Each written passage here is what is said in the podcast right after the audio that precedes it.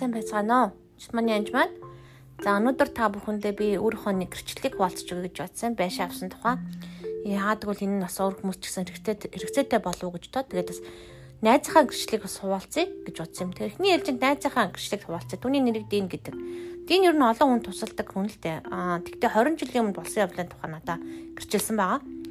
Тэгээд 20 жилийн өмнө жижигхэн байшинд амьдардаг 3 4 жоохон хүүхэдтэй. Тэгээд байшин их жижигхэн айлуудад очихоор том байшиндаа бурхан гэл түүнийг сайхан байшин, сайхан амьдран, олон хүнийг өрөөнө гэл тэгэхээр ерөөсөө тэр нь санаанд нь багтаж өгдөг хэцүү байсан. Тэгээд тэднийх байшингаа томруулах болж л дээ. Байшин авах гэдгсэн чинь зээл олдохгүй арай ч үгүй зээл авах болсон чинь 3 сарын дараа зээл нь гарна гэд байшин авах гад гэрээ исэн чинь сарын дотор байшингийнхаа мөнгө төлөх ёстой. Ядаж депозит мөнгө Тэгээ зээлтэй зээлээр авч байгаа тэгсэн мөртлөө депозитны мөнгө байхгүйсэн байна.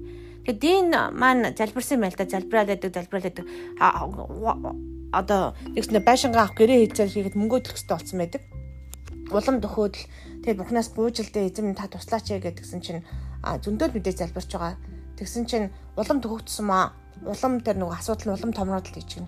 Тэгсэн чинь чи ойр тусмаа одоо авраг хүн байдаг Дэвид Голайт гэж байдаг шүү дээ юм уу. Голайт улам томордог ш. Нэгсэндээ холоос харахад тэр хүн жоох юм шиг мөтлөө ойр тусмаа улам нөгөөдөг чи яг үлээ том болдог. Асуудал нь улам том усмал тэр зээлэнч мөн бүх юм бүтэхгүй болоод л хэцүү байсан байна л да.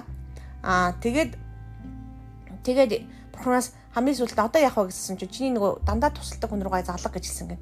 Тэгээд би тэр хүнд чинь тусалдаг энэ хүнд ийм мөнгө байхгүй штэ гэд тэгсэн ч гэсэн залгажалтай залгасан чинь чи миний амьдралд маш олон удаа зөндөө удаа тусалсан. Олон жилийн турш тусалсан. Би танд чамд нэг буцаад тусалчих юмсан гэж бодол байсан чинь анх удаага би ингээд чам туслах боломж гарч ийна гэд бөөн баяр болоод тэр зээлийн нөгөөд буцаагаад 3 сар дараа зээлээ аваад нөгөө хүний зээлийг хаач таарч л тээ. Тэгээд ямар ч байсан тэр үед бол тийм хэцүү байсан, итгэлээр алах амархан байдгүйгээд одоо бол дийн олон хүн тусалдаг. Одоо түнд мөнгөний тэм жавлан асуудал бол ерөөсөй байхгүй л дээ 20 жилийн өмнөх юм а надаа ярьсан. Тэгээд надад ч гэсэн бас тийм тохиолдолоос гарсан байгаа. Аа би байшаа авах болсон. Тэгээ би байшингийн үр зээлд дарахад би 91 хоногийн дотор үр зээлээсээ гараад би байшинд өрөнд өгдөг мөнгөө бусдад одоо өгчөөе гэж залбирчсан тохиол байдаг. Тэгээ тэрний бүхэн яг л Крисмасаас буюу одоо 12 сар 25-наас өмнө тэр бүхнийг бүтээсэн байдаг. А гэтэл чин дахиад тийм байшаа авах шаардлага гарсан байгаа. Америкт миний виз бол одоо зүгээр юу гэдгийг судалгааны ажиллагын визтэй визний хугацаа нэг баг жил хүрэхгүй 8 9 сарын дотор дуусах гэж байгаа хугацаатай. Аа тэгээд дүүс миний цалин бас маш бага. Нөхөр маань цалинг болохоор тэгээд байшин одоо байшингаас хөөгдөөд хоёр ч удаа хөөгдсөн. Тэгээд байшин авах хэрэгтэй болсон. Аа тэгээд түрээсээ байшин хайсан чи өрөөсө болохгүй байсан. Тэгээд аа бичиг баримтанд болоогүй байшин авах боломжгүй байсан л та. Тэгээд эзнээс гуугаад залбираа явж исэн чинь аа 500 доллар депозит тавиад байшин гэрээ хийлгэсэн байгаа.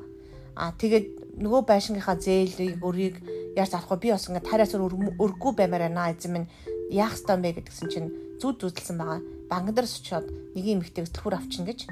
Аа тэгэхээр энэ ямар ч байсан би зээл хөдөлтөх ёстой маань гэд. Зээл нь гэсэн хөдөлсөн ер нь ихэнх банкнууд наа чи боломжгүй штэ гэж өндөр зээлтэй амар хэцүү байсан. Тэгээд татгалзан хариу өгөөд л амархан байгаагүй л дээ. Тэгээд би дараах ишлүүдийг уншиж залбирч ийсэн.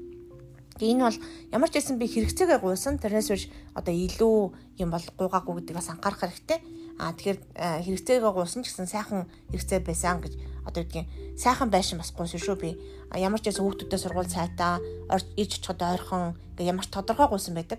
Тэгээ би Филиппа 4:19 уншсан. Миний бурхан өөрийн алдагдах баялгаар Христ Есүс дотор та нарыг хэрэгтэй бүхнээр тань хангана гэж. Тэгэхээр Христ Есүс дотор үнэхээр бидний хэрэгтэй бүхнээр минь хангана гэсэн байна а дүүнчлэн Мата 6-гийн 33 дээр харин эхлээд түүний хаанчлал болон түүний зөвхт байдлыг хайх тун тэгвэл энэ бүхнийг гэж бидний хэрэгцээтэй юм хоол унд байр хэлж байгаа та нарт нэмж өгөх болно гэж хэлж байгаа. Тийм учраас үнэхээр бүхний хаанчлалыг нэг тавин хайж эхэлсэн байгаа. Тэгээд бас нэг хүмүүсийн хийдэг алдааг хэлж өгье. Сургаалт өгс 26-гийн 15-ыг уншиж өгье. Залхуу хүн аяганд гараа хүргээд эргүүлээд амандаа хүргэх гэж зөвхөн гэж хэлж байгаа юу гэсэн үг юм бэ гэдгээр энийг сайн яг англиар нь орчуулахад унших юм бол арай өөр байгаа шүү. Аа тэрийг би англиар нь уншиж өгье. Аа тэгэд бас орчуулж өгье гэж бодож байна. Аа the lazy person buries his hand in the dishes, losing opportunity after opportunity. It wearies him to bring it back to the smart.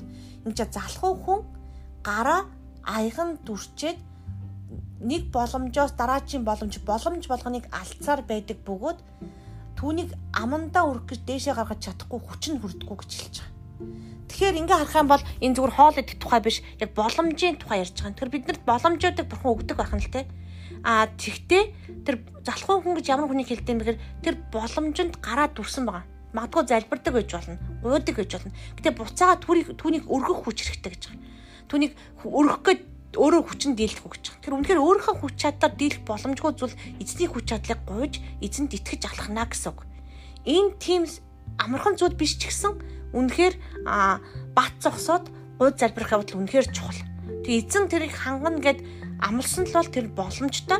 А гэхдээ тэрийг одоо юу гэдгийг хийхэд амархан байгаагүй. Жишээлбэл бүр ингээд за банкнаас мөнгө шилжих болоход хүртэл хуульч банкт мөнгө чинь шилжихгүй байх чи боломжгүй чиний виз чинь боломжгүй гэд бүр 5 цагт гэрээ дуусахаас өмнө 4:59-т миний бүх юм болсон байдаг. Ерөөсө 1 минутын өмнө хүн бол баг орилдоод хамгийн маяад гүүхээр цаг хугацаа болоход эзэн хангасан болов хангасан амгасандаа хүржил тараа гэд би бацчихжсэн маа. А гэхдээ Үнэхээр түүнийг өргөх хүч хэрэгтэй байхгүй. Тийм учраас эзнээс тэр хүчийг гуйх хэрэгтэй. Нэг хийх хүчийг гуйх хэрэгтэй. Амархан биш. А гэхдээ боломжгүй зүйл биш. Эзэн дотор бүх зүйл боломжтой шүү. А тэгэхээр хүлээж авах итгэл хэрэгтэй, үйлдэх итгэл хэрэгтэй, хүч хэрэгтэй гэсэн үг шүү. Тэр үнэхээр эзнээс та нар бүгдээр залбирч чадна. Итгэлээр маш сайн залбирч чадна. Таныг эзэн бурхан сонсгоо сонсно. Харин яг тэрийг хаалбгаа өргөд амруугаа хийх буюу үнэхээр тэрийг хүлээж авах итгэл хүч хэрэгтэй шүү. Эзнээс хүлээж авах итгэлийг бас хүчийг гуйгараа. Назарын Есүс Христийн нэрээр залбирэн гуйлаа. Та нэг хэрэгцээтэй бүхнэр чинь бурхан хангаж тунгадаг бүрэн итгээд алхаараа.